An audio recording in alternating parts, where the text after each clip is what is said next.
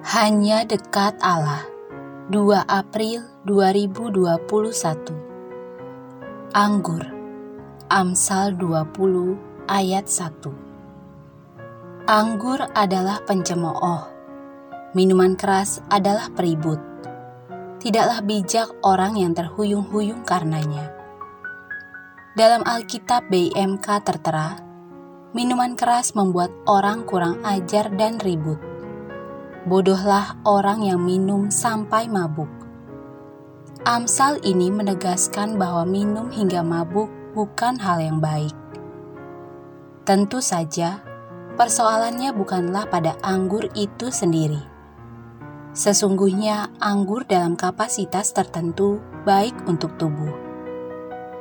Dalam suratnya, Paulus bahkan menasihati Timotius, "Janganlah lagi minum air saja."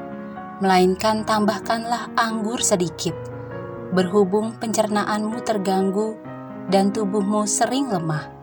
1 Timotius 5 ayat 23 Di sini anggur bisa menjadi obat. Di kayu salib, orang-orang di sekitar salib juga merasa perlu mencucukkan anggur pada mulut Yesus. Kelihatannya mereka kasihan kepada Yesus orang Nazaret dan ingin mengurangi kesakitannya.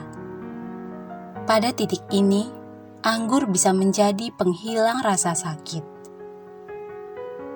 Dan Yesus pun mencecapnya sedikit sebelum berucap sudah selesai.